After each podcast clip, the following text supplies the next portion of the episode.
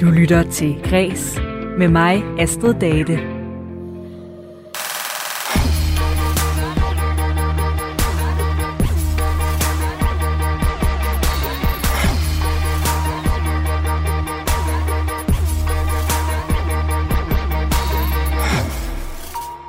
Det må være de fleste, der glæder sig til sommerferie. Og det lyder som om, at den i forhold til coronavirusen kan blive lidt nemmere at eksistere i, end øh, den har været de sidste mange måneder. Sol, coronapas og lempede coronarestriktioner har åbnet mere op for det danske kulturliv. Det har også givet flere mod på at rejse på ferie i udlandet. Og i går luftede sundhedsminister Magnus Heunicke muligheden for at droppe kravet om mundbind helt inden sommerferien begynder. Men øh, har du brug for at tage lidt forskud på de gode sommerferie-vibes, så kan du gøre det med mig i kreds i dag. Jeg kigger nemlig på en ny digtsamling, der består af et digt for hver dag i sommerferiens seks uger. Jeg skal også snakke med en øh, turismeorganisation, Visit Danmark, som øh, skal fortælle om vores ferievaner. Og så skal vi have temperaturen på vores lyst til at vende tilbage til kulturlivet og idrætslivet i lyset af corona. Det er der nemlig lige kommet en ny måling på. Så jeg blev hængende den næste times tid, hvor jeg sørger for lidt sommer i din radio. Mit navn er Astrid Date. Velkommen til Kres.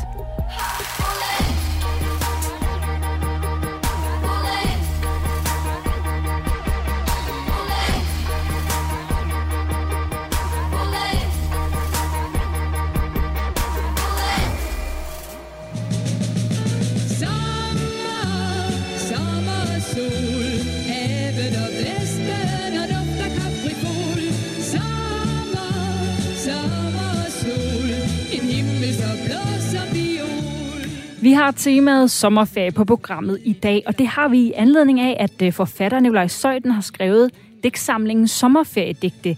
Den består af 44 digte, en til hver feriedag i skoleferien, og til at dykke ned i den udgivelse, der har jeg fået besøg af vores øh, litteraturekspert her i Kreds, Karoline Kjær Hansen. Velkommen til. Tak, Astrid.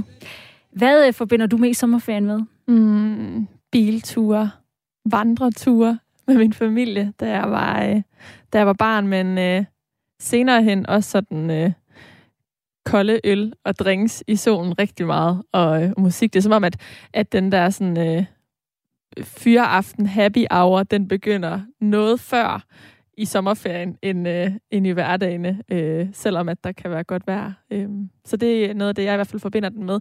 Men det er klart, at jeg forbinder den også med koordinering og øh, samtaler på kryds og tværs om alt muligt praktisk, der skal gå op.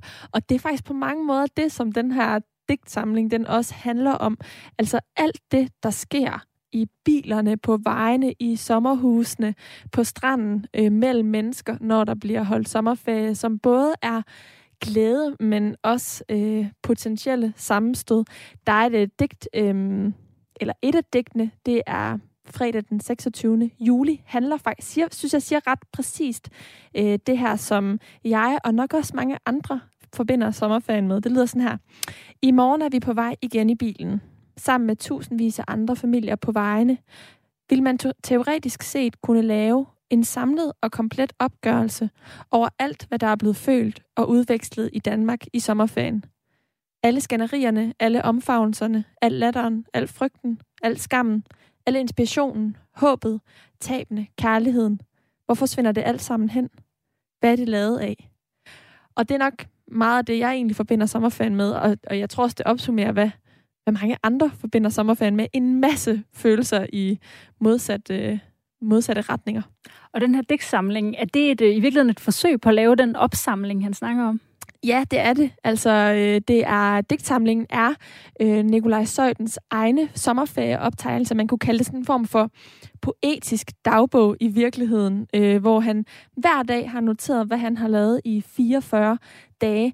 Det gælder alt fra at være i øh, lejligheden i København til at køre til Vesterhavet og til at køre til Aarhus og til Forborg og mødes med andre familier og tilbage til København igen og ligesom langsomt gør sig klar til, at børnene skal begynde i skole. Nikolaj Søjden har tre børn, som er med på hele turen, og øh, de her sammenstød kan jo opstå mellem ældre søskende, men jo også mellem forældre og børn eller kærester øh, eller ægtefæller.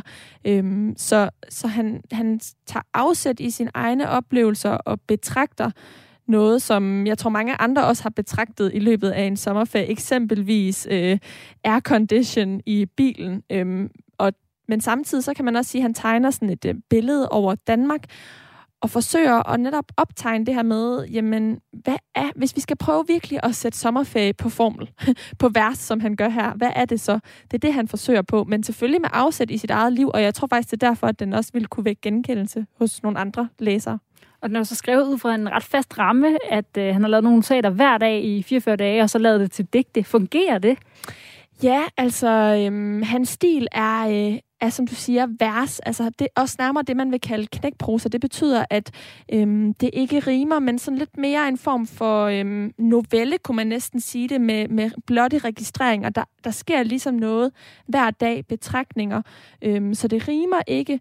Øh, og fordi der er sådan en form for, man kan sige, et en handling hver dag, øh, men jo også en samlet handling i løbet af sommerferien, så fungerer det egentlig som en ret god sådan, motor, at vi ved, der er ligesom en, en, en begyndelse, en midte og en slutning. Og da jeg sad og læste den, var jeg sådan lidt nysgerrig på, jamen hvad sker der så i løbet af den her sommerferie? Fordi der er jo også nogen, når de øh, oplever at være tæt sammen, øh, finder ud af, altså kan genfinde en forelskelse, eller gå fra hinanden, eller når man skal ud på en bilferie, kan der ske nogle sammenstød biler imellem. Altså, der kan jo egentlig ske ret mange dramatiske ting, når man sætter mennesker så tæt sammen, som man gør i løbet af en sommerferie. Så jeg var egentlig ret spændt på, hvad der skulle ske. Og det er ikke fordi, der sker noget vildt dramatisk, og det er nok også meget sigende for vores alles liv. Vil du ikke læse et eksempel mere? Jo, det kan du tro. Det er øh, digtet, der hedder Mandag den 22. juli. Det skal lige siges, at det består som sagt af 44 digte. De er alle sammen dateret, det vil sige, at hver digt øh, har titlen, øh, som er den dato, det er skrevet på. Og det her er altså mandag den 22. juli. Udflugt til Fosdalen. En smeltevandskløft fra istiden. Ned gennem klinten.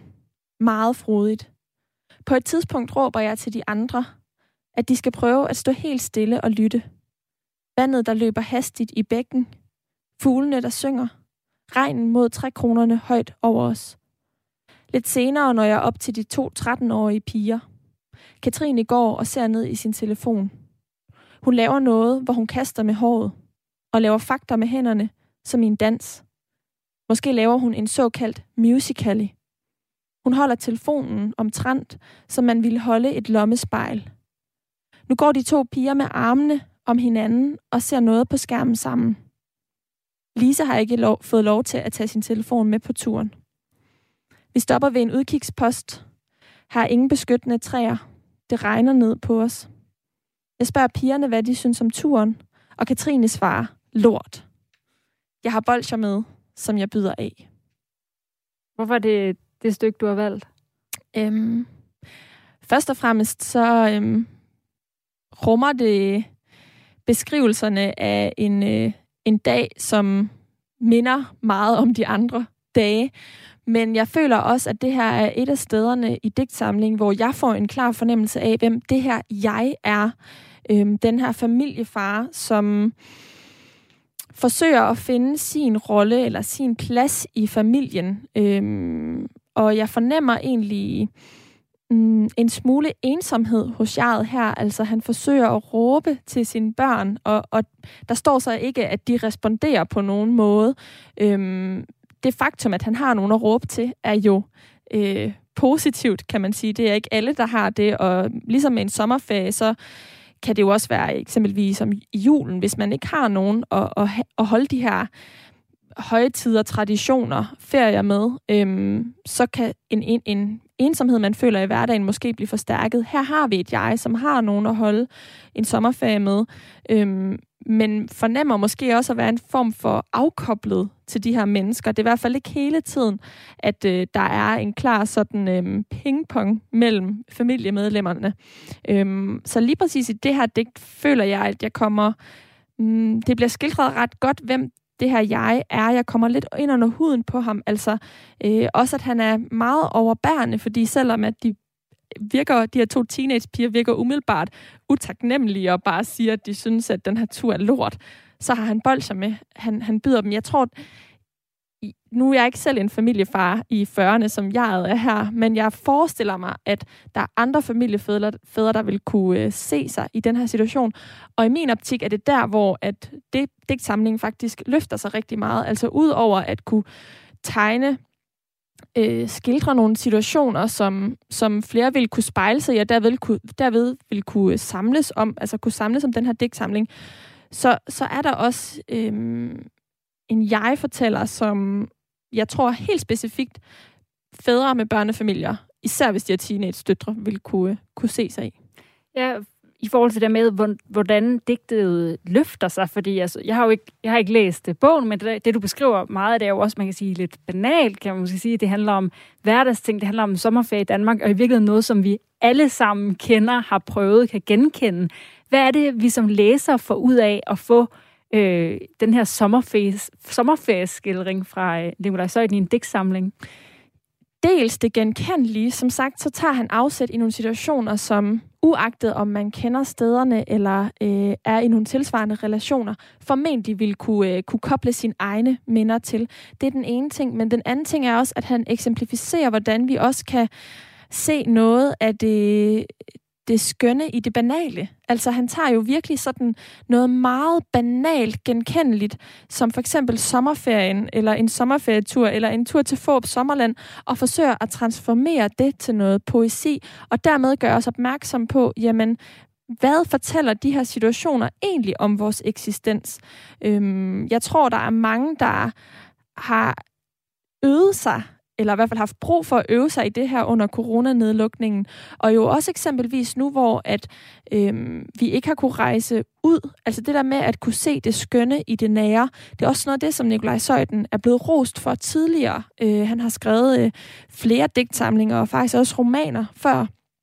Øhm, at han ligesom kan, kan, kan zoome ind på det nære og, øh, og, og få det til at fremstå poetisk. Øh, og så synes jeg, mm, altså hvis man så zoomer ind på, hvad han så rent faktisk fremhæver i de her digte, i de her situationer, at han formår netop at tage de her situationer, som, som så netop sætter fingeren, øh, eller lige præcis rammer plet i forhold til, hvornår en for eksempel familiefar kan føle sig ensom og samtidig forbundet til sine øh, børn. Og Karoline Kjærensen, du er jo også vært på Radio 4's litteraturprogram Mellem Linjerne, som øh, bliver sendt på søndag klokken 1, 5 over 1. Og der har du faktisk øh, Nikolaj Søjden med i programmet. Så bare øh, kort her til sidst. Hvad kommer I ind på i det program? Vi kommer ind på den metode, han bruger til at skrive de her digte, fordi det lyder jo virkelig banalt, som vi også har talt om. Altså, øh, og det, altså, nogen vil måske også hæve, det er navlepillende, han har taget en, sin egen dagbog og skrevet noget poesi ud fra det. Men det er faktisk en ret særlig metode, han bruger, som han også mener, andre vil kunne få gavn af, hvis man ikke lige har super nemt ved at få, få skrevet de der digte. Ellers det er sådan meget værktøjsorienteret øh, og håndgribeligt, den måde, han, øh, han skriver sine digte på. Så den metode taler vi rigtig meget om. Tusind tak for det, Karoline Kjær Hansen. Og øh, senere i det her program, der skal vi øh, også høre mere om øh, vores ferievaner i selskab med kommunikationschef i Visit Danmark, Anders Rosbo. Du lytter til Græs med mig, Astrid Date. Nu er det selve nattens trolddomstime hvor grave åbner sig og helvede under sin smitte over verden. Vi begynder vores øh, runde i de vigtigste kulturnyheder med et smut tilbage til i søndags og til Hamlet. Der vandt Esben Smed, skuespilleren vi hører her, nemlig en røgmert for årets mandlige hovedrolle for sin udgave af Den øh, Danske Prins. Kirsten Olsen vandt den kvindelige pendant til prisen for sin solorolle i det stykke, der hedder Et tysk liv. Begge forestillinger er fra det kongelige teater. Prisen som årets instruktør, den gik til Maria Winterberg for sin iscenesættelse af Mens vi venter på Godot, som spillede på teatret ved Sorte Hest. Og i øh, følge Rømert-komiteen, så blev årets allerbedste forestilling lavet af Fix and Foxy og Betty Nansen teatret og havde titlen My Dear Hunter. Jonas Hjort, sergeant og gruppefører, ISF 9, Afghanistan 2010. Hvordan har jeg det? Jeg er fuld af spænding. Jeg kan mærke verdens selv i min krop. Og jeg har taget pænt tøj på. Det står i skærende kontrast til mine dårligste dage, hvor jeg ligger derhjemme og græder. Jeg er ikke kommet i My Dear Hunter var fire PTSD-ramte krigsveteraner på scenen, hvor de fortalte om de oplevelser, der har ændret dem og deres liv. Tue Bjerring skrev og instruerede forestillingen, og han modtog altså samtidig årets hæderpris til Rømertuddelingen. Michael Bøjsen går af som leder for Statens Kunstfond. Det sker efter politikken kunne fortælle en omfattende historie om et grænseoverskridende og seksualiseret miljø i DR Pigekoret. Hændelserne de fandt sted i Michael Bøjsens tid som chefdirigent for koret fra 2001 til 2010. I artiklen kritiseres miljøet i DR Pigekoret af tidligere pigekorsanger, der siger for eksempel, når man som barn trådte ind i radiohuset, trådte man samtidig ind i en old boys club og et mega seksualiseret miljø. Man var Michaels piger, man følte sig som en del af et harem for voksne gæstemusikere, som udsatte teenagepigerne for uopfordret seksuel opmærksomhed. De, der sagde fra, blev mødt med modstand fra ledelsen i DR Pigekoret. Og øh, Michael Bøjsen, han siger, at han ikke kan genkende flere af anklagerne, men øh, han trækker sig alligevel fra posten som leder af Statens Kunstfond og som leder af fondens projektstøtteudvalg for musik, fordi, som han siger, erkender sit ledelsessvigt. Og i går meldte øh, Bøjsen så også ud, at han tager overlov fra sin nuværende post i Malmø Opera, hvor han er direktør. På selveste grundlovsdag gik Mads Bryggers nye medie Frihedsbrevet i luften, og i samme ombæring blev Flemming Rose præsenteret som tredje mand i mediets øh, chefredaktion, sammen med Christoffer Eriksen, der kommer fra en chefstilling på Ekstrabladet, og altså tidligere 24-programchef Mads Brygger. Flemming Rose har blandt andet været udlandsredaktør på Jyllandsposten, og så kender mange ham for hans hovedrolle i avisens offentliggørelse af Muhammed-tegningerne. Frihedsbrevet det er grundlagt på ideen om, at man ikke vil modtage nogen form for øh, statsstøtte for at kunne lave helt fri og uafhængig journalistik, og i Deadline på DR, der sagde Mads Brygger sådan her om mediets formål. Vi vil øh, ruske op i akvariet, øh, være, være magtkritiske og øh, gå til stålet, og når hvedebrødsdagen er over, kunne jeg godt tænke mig, at folk forstår, hvorfor der er brug for øh, frihedsbrevet. Frihedsbrevet består af et udvalg af forskellige nyhedsbreve om øh, for eksempel finans, politik og kultur, som man kan abonnere på at få tilsendt. Du lytter til Græs med mig, Astrid Date. Efter et historisk mørkt år er dansk kulturliv endelig ved at komme til hægterne igen. Det skyldes, at det de fleste af os er trygge ved at vende tilbage til bibliotekerne, biograferne og alle de andre kulturtilbud. Men omstændighederne omkring coronapas og kviktest gør dog, at det ikke er alle kulturinstitutioner, der er helt i omdrejninger endnu. Det viser et kulturbarometer, der er en øh, ny rapport fra publikumsudviklingsprojektet Applaus. Og fra Applaus, der har jeg nu projektleder Lene Struk Madsen med. Velkommen til Kreds. Tusind tak. I har jo øh, strikket den her måling sammen over danskernes lyst til og tryghed ved at dukke op til kulturens overflade igen efter coronaens døs. Den nye rapport er anden måling, I laver. Hvad er øh, de største forskel på den nye måling og så den, I lavede i starten af maj? Jamen, altså man kan sige, at der er sådan øh, tre øh, nedslagsområder. Altså det ene handler om, at borgerne er trygge ved at vende tilbage. Det viste den anden også, men det bekræfter denne her. Dernæst, så kan man sige, i forhold til det, som øh, altså den diskussion, der har været omkring øh, coronapas og så videre, så kan vi se, at borgerne er, er tillid og, og, og Altså det, de peger på som et vigtigt øh, initiativ for, at de føler sig trygge ved at, at bruge kulturinstitutioner, der er coronapasset øh, steget meget. 12 procent, øh, og så, øh, så, så, så kan vi også se, at, øh, at, at de gerne vil bruge kulturlivet, og der er det særligt biografer, de rigtig gerne vil øh, planlægge i hvert fald at besøge den kommende tid. Så øh, målingerne viser, at danskerne over en bred kamp faktisk er trygge ved at benytte sig mm. af kultur- og sportsoplevelser, der er. Hvad, hvad er de særligt trygge ved? Er det, er det det her coronapas, eller sådan Jamen, man kan jo sige, at coronapasset er med til at skabe en tryghed, men man kan sige, nu øh, fra det vi lavede den første måling, hvor øh, kulturlivet endnu ikke, altså den første måling udkom i 3. maj, og der havde vi ikke fået genåbningen endnu. Nu har vi genåbningen, og man har sådan så småt øh, været ude, og man har oplevet nogle ting, og man kan se, at det fungerer.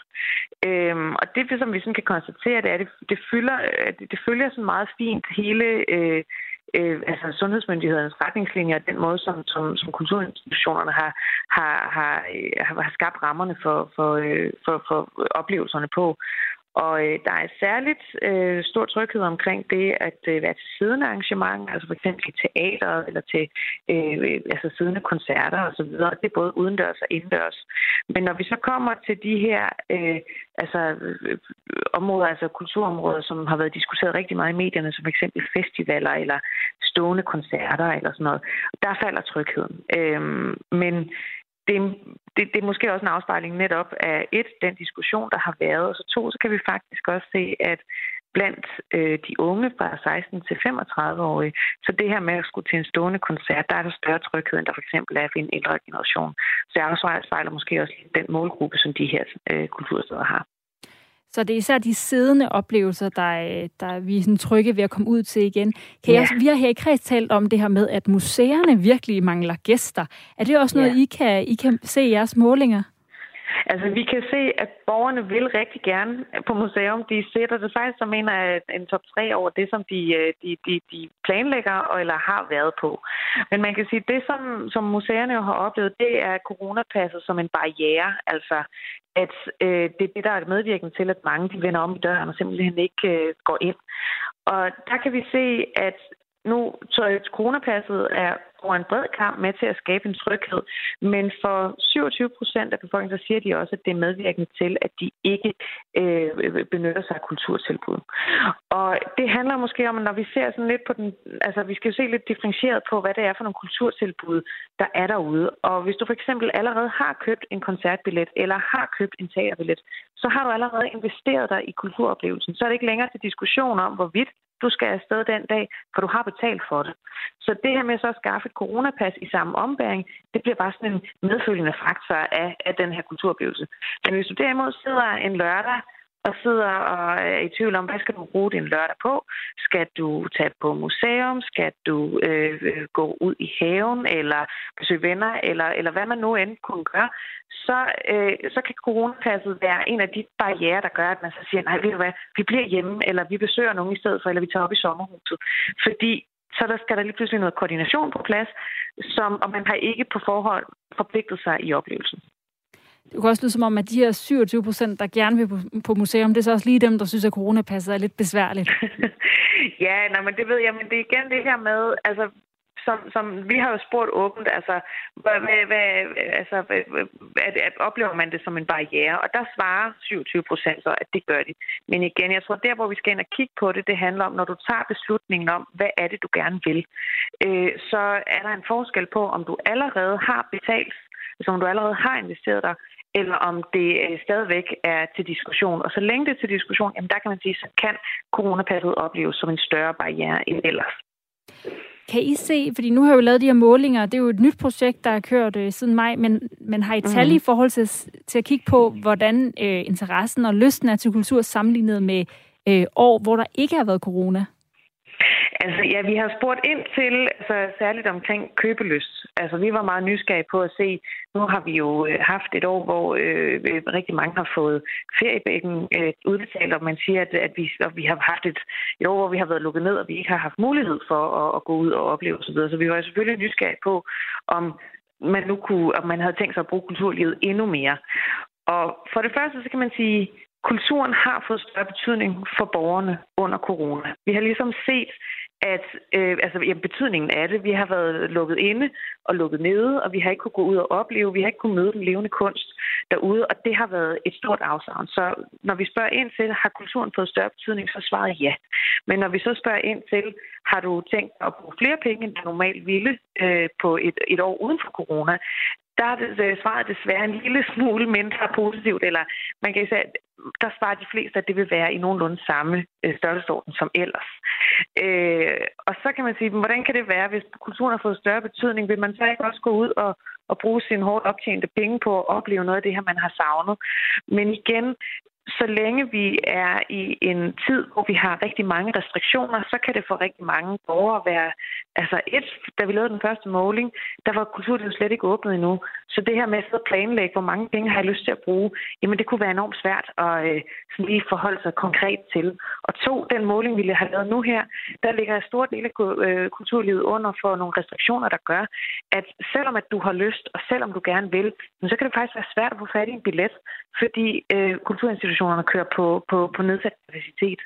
Jeg plejer at sige, at jamen, i, i København der har det været tæt på umuligt at få fat i en teaterbillet her siden genåbningen. Der har været så meget rift om det. Og det vidner jo om, at borgerne rigtig, rigtig gerne vil. Men selvom at de gerne vil, så er det jo svært, når man ikke kan få lov til at komme ind. Derfor hvor meget afhænger lysten også af, at, øh, altså af mulighederne. Altså nu er der jo en masse aflysninger i Københavns Marathon og en masse festivaler og yeah. halv belægning, som du siger, i teatersalene. Altså hvordan påvirker det lysten i virkeligheden? Men det er jo med til, altså det er jo lige nu, man kan sige, der er jo momentum lige nu, og det handler som i alt muligt andet om at smide mellem fjernet og varmt. Så derfor så er det jo vigtigt, at øh, der er mulighed for, at når man har den umiddelbare lyst, når borgeren, når man sidder derhjemme og siger, det vil jeg gerne, jeg vil gerne ud, jeg vil gerne opleve noget, at så er der også noget, som man kan tage fat i. Der er noget, som man kan få lov til at opleve. Og det kan man sige, det er der jo. Det er der jo i, i et stort omfang, men igen, øh, teaterbilletter, øh, som har været revet væk, koncertbilletter, altså, øh, festivaler, der bliver aflyst osv., og så må man jo også bare konstatere, at det er jo fremragende værd derude lige i øjeblikket, så konkurrencen er ikke altid med de andre kulturtilbud, men også lige så meget det der med at gå ud i haven og være sammen med nogle venner.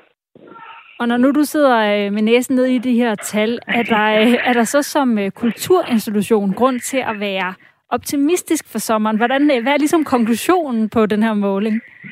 Jamen, jeg synes jo, vi skal tage, tage udgangspunkt i, at et, kulturen har fået en større betydning. To, borgerne vil det enormt gerne. De planlægger, altså de vil, de vil gerne ud og opleve ting.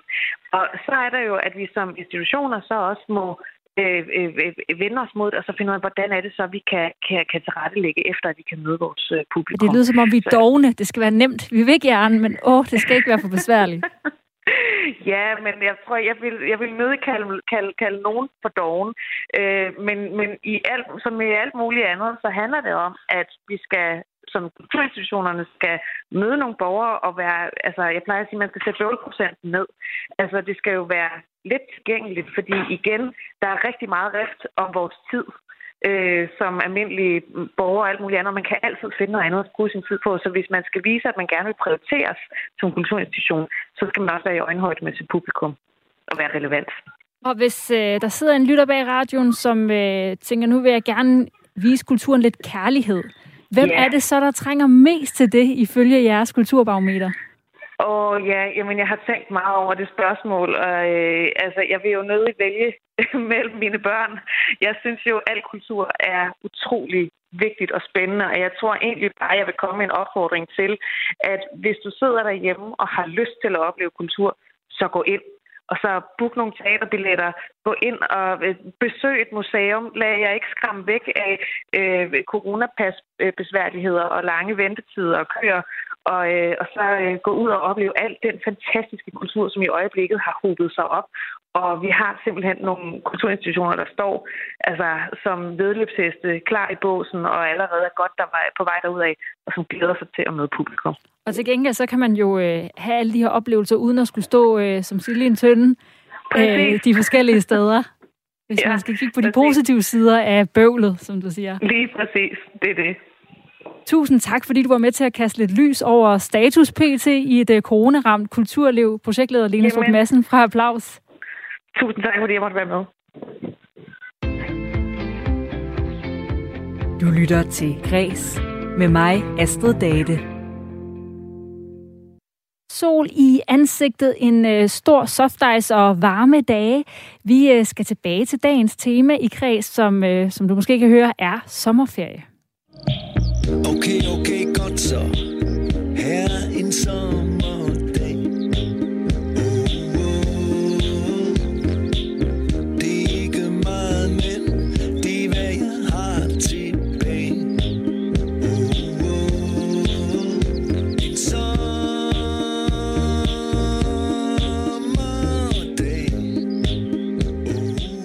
Og vi ser på temaet sommerferie i dag, fordi Nikolaj Søjden, forfatter, er aktuel med en digtsamling Sommerferiedigte.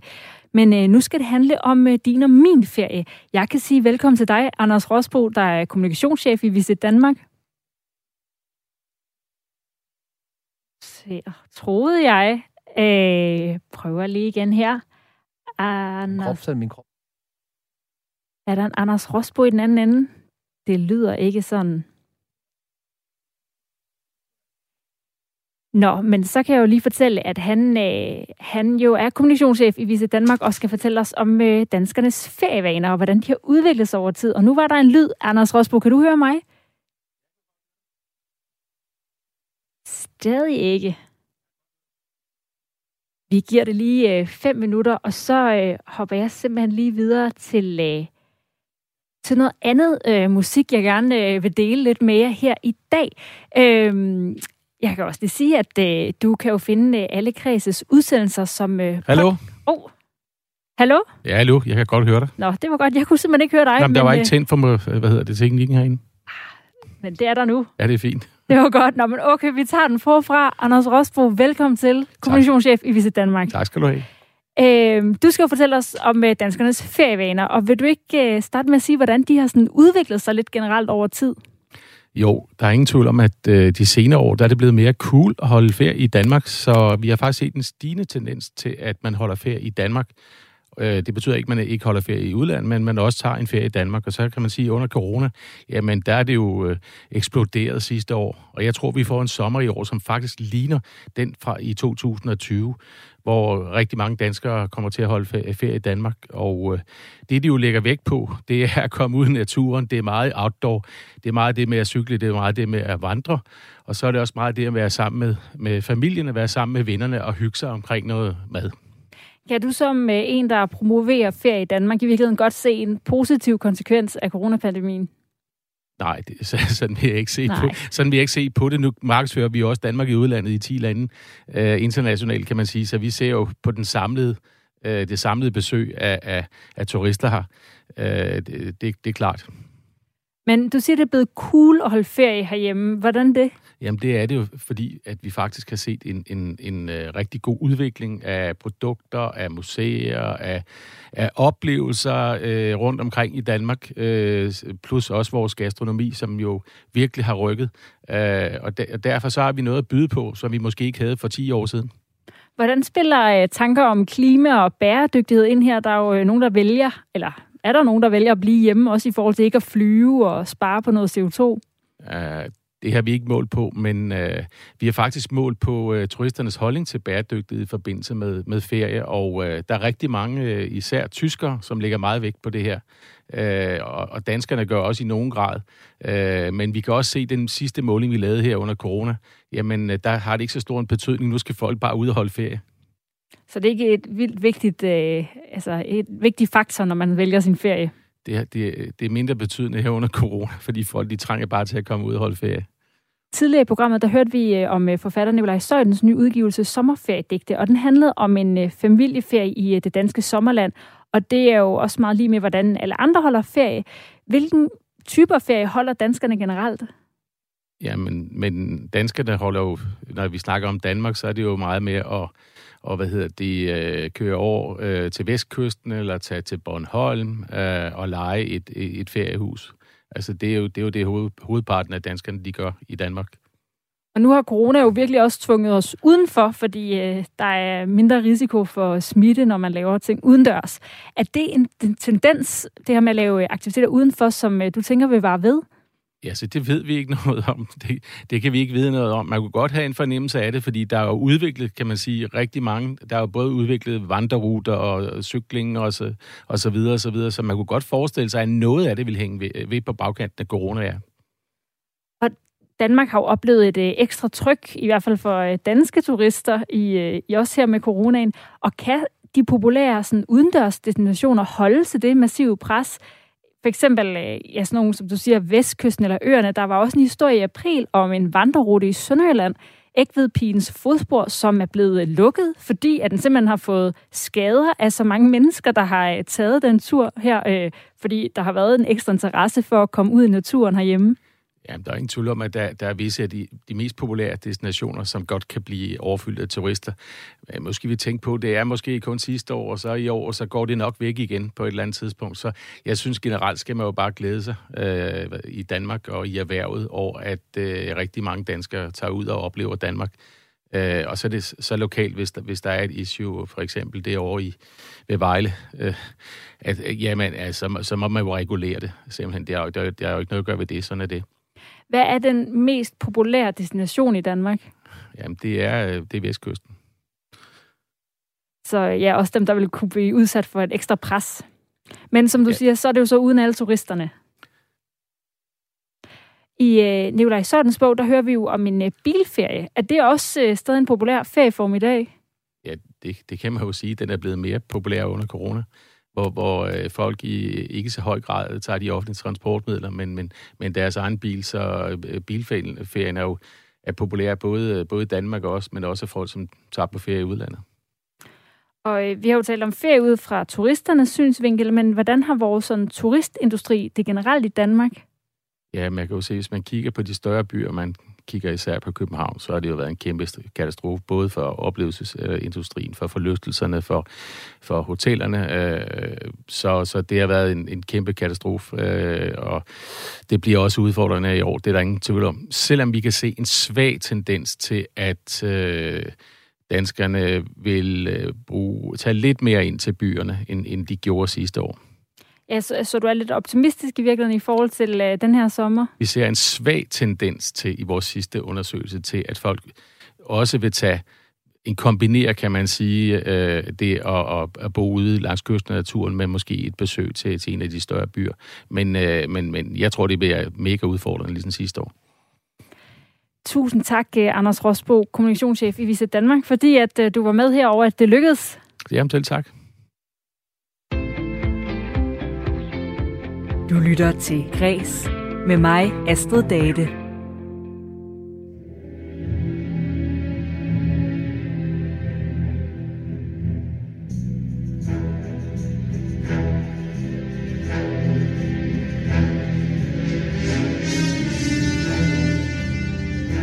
Her på Kreds, der har vi øh, samlet et øh, stærkt hold af kulturagenter, og øh, det er syv forskellige danskere, der bor fordelt rundt i landet, og som vil anbefale os øh, de bedste kulturoplevelser fra der, hvor de bor.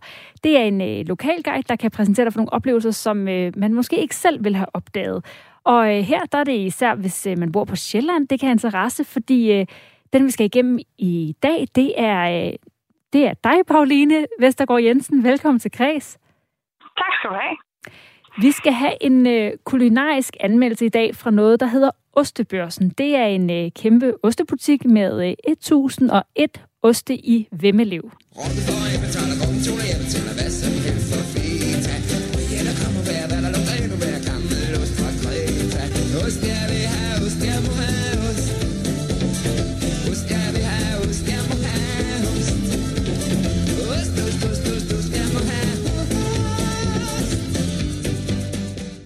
Inden vi skal høre, hvad du synes om stedet, vil du så ikke lige forklare, hvad, øh, hvad er Ostebørsen?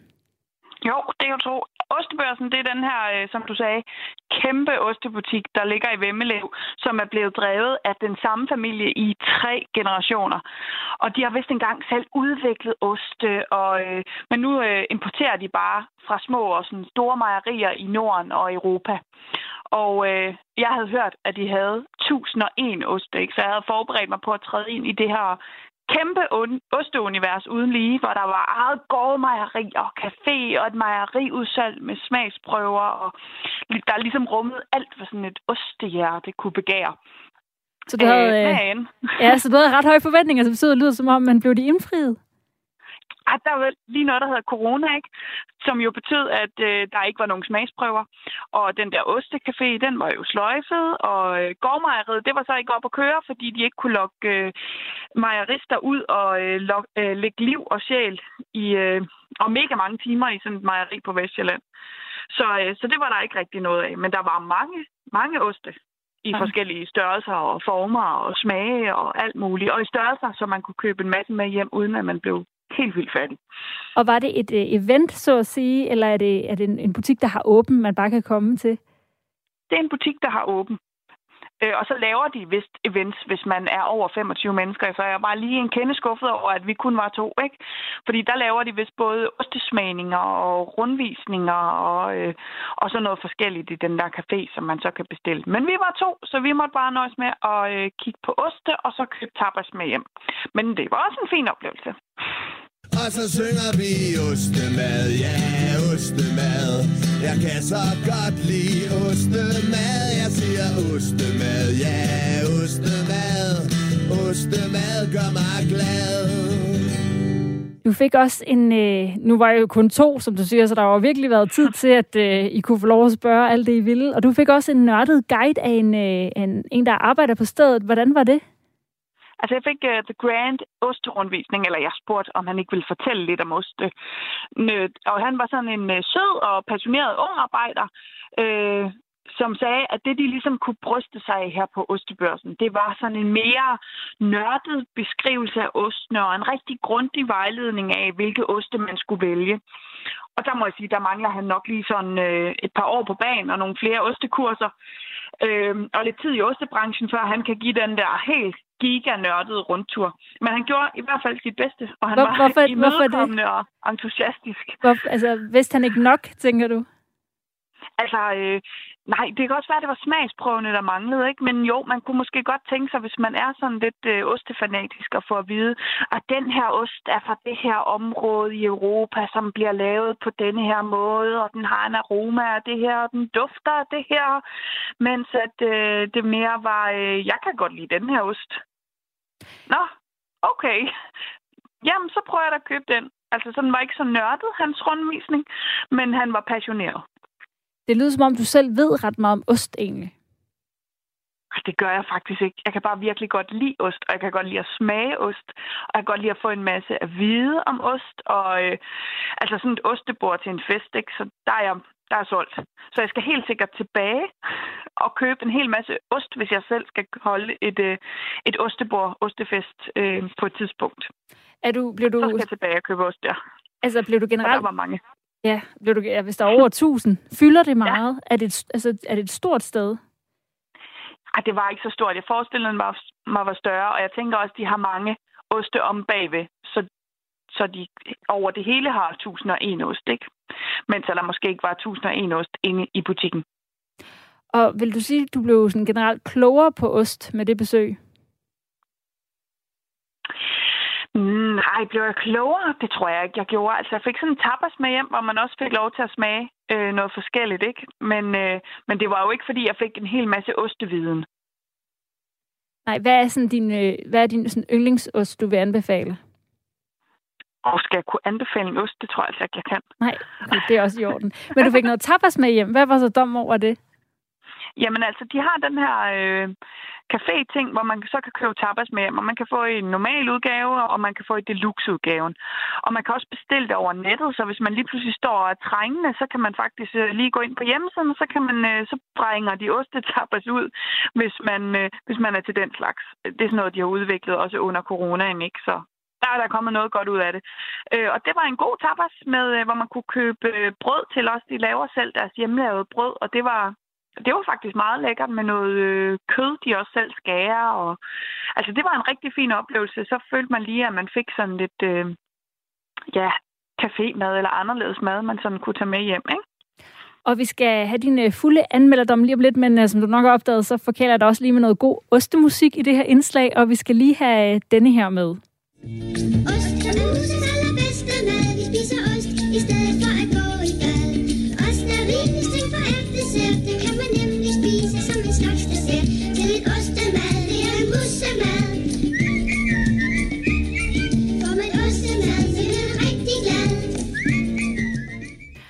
Og øh, hvor mange gamle Ola vil du give på en øh, skala fra 1 til 6 til den her oplevelse?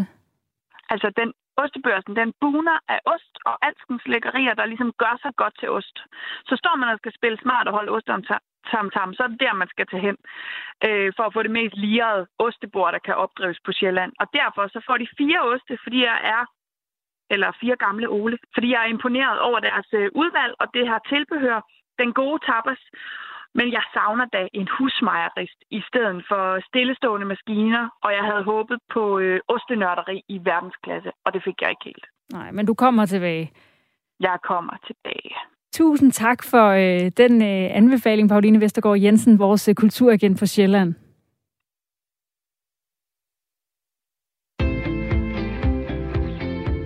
Du lytter til Græs med mig, Astrid Date. Og i fredags, der havde jeg besøg af et øh, fredagspanel. Øh, den udsendelse, den kan man høre som øh, podcast, hvor man også kan finde alle andre af Kreses udsendelser. Og der, der vendte vi blandt andet den nye landsholdssang fra Alphabet. Og den hører vi lige lidt af her.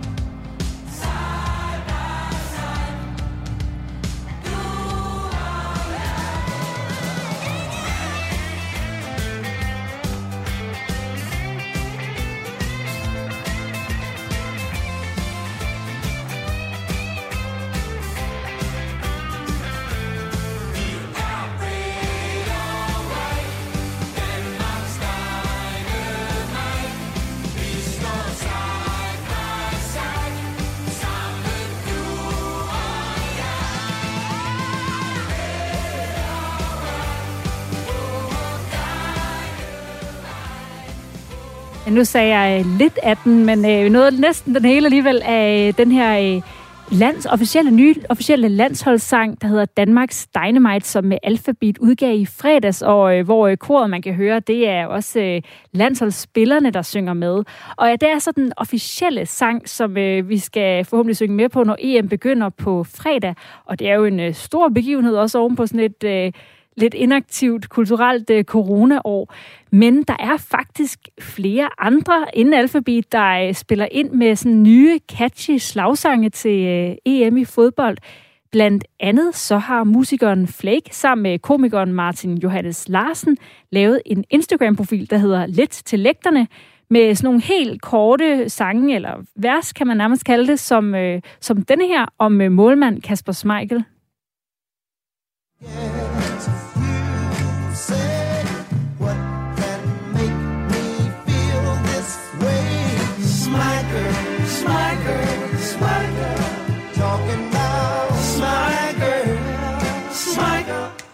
Ja, hvor der altså bliver sunget uh, Smeichel i stedet for My Girl.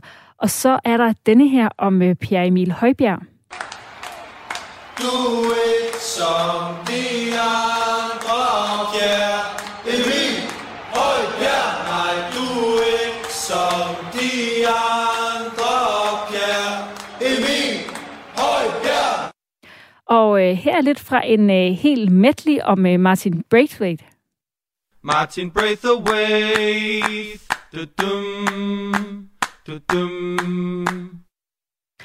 Og øh, så er der kunstneren Gulddreng. Han har også udgivet sit bud på en øh, landsholdssang. Den hedder Helt Sikker, og han konstaterer helt bramfrit til Ekstrablad, at øh, han synes, øh, eller han siger, jeg synes bare, at min sang er bedre, faktisk meget bedre, og den kommer her.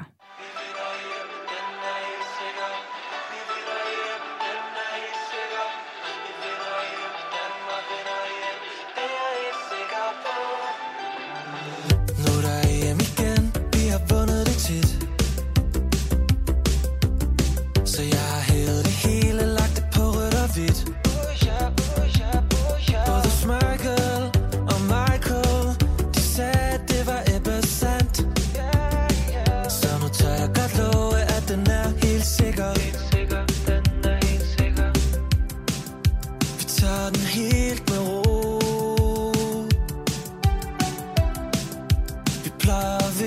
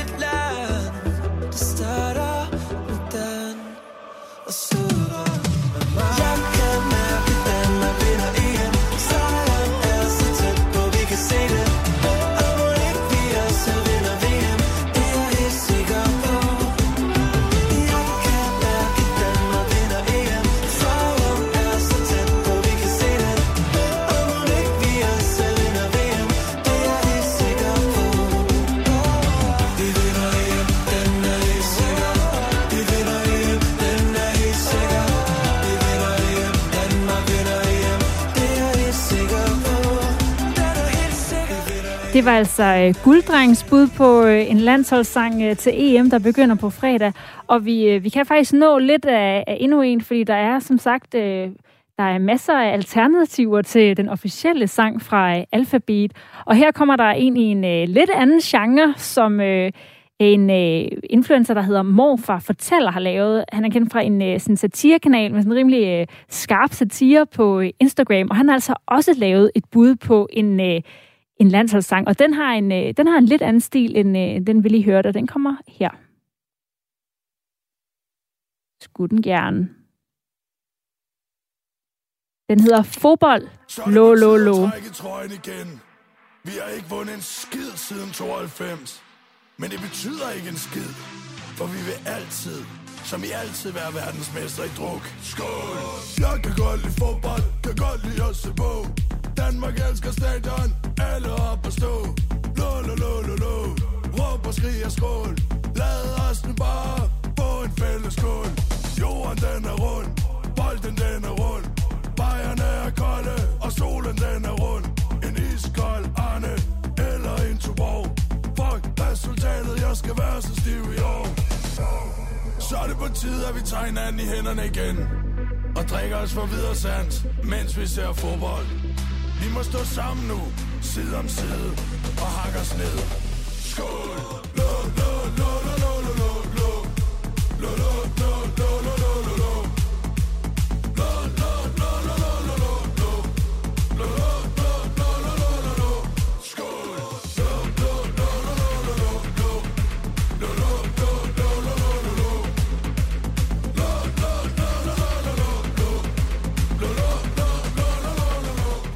Det her var øh, Morfar Fortællers version af en øh, landsholdssang, der hedder Fodbold lo, lo. Så der er altså en øh, landsholdssang til enhver smag, hvis man ikke lige er faldet for øh, den officielle landsholdssang Alphabet, som jeg altså startede med at spille, der hedder Danmarks Dynamite. Og øh, det er altså på fredag, at øh, den begynder, og på lørdag det begynder for alvor for Danmark, når de skal spille mod Finland. Det her det var alt for kreds fra i dag. Programmet kom i hus med fra Mathias Wissing, Line Grønborg og Karoline Kjær Hansen. Jeg hedder Astrid Date, og vi lyttes ved igen i morgen.